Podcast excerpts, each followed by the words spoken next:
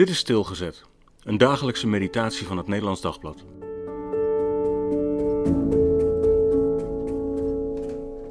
In contact. Psalm 26, vers 2.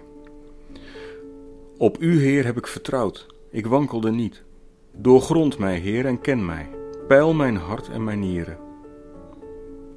Wat zou Jezus gedacht hebben als hij deze psalm meezong in de synagoge?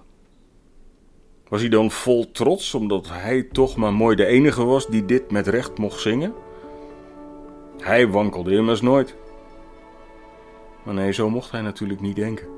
Hij was immers niet gekomen om ons te showen hoe supervolmaaktheid eruit ziet. Hij was gekomen om al onze onzuiverheid op zich te nemen en weg te dragen het graf in. Maar dat zou hij alleen kunnen als hij zelf volkomen zuiver bleef. Hij moest de zonde heel dichtbij laten komen, maar er nooit in meegezogen worden.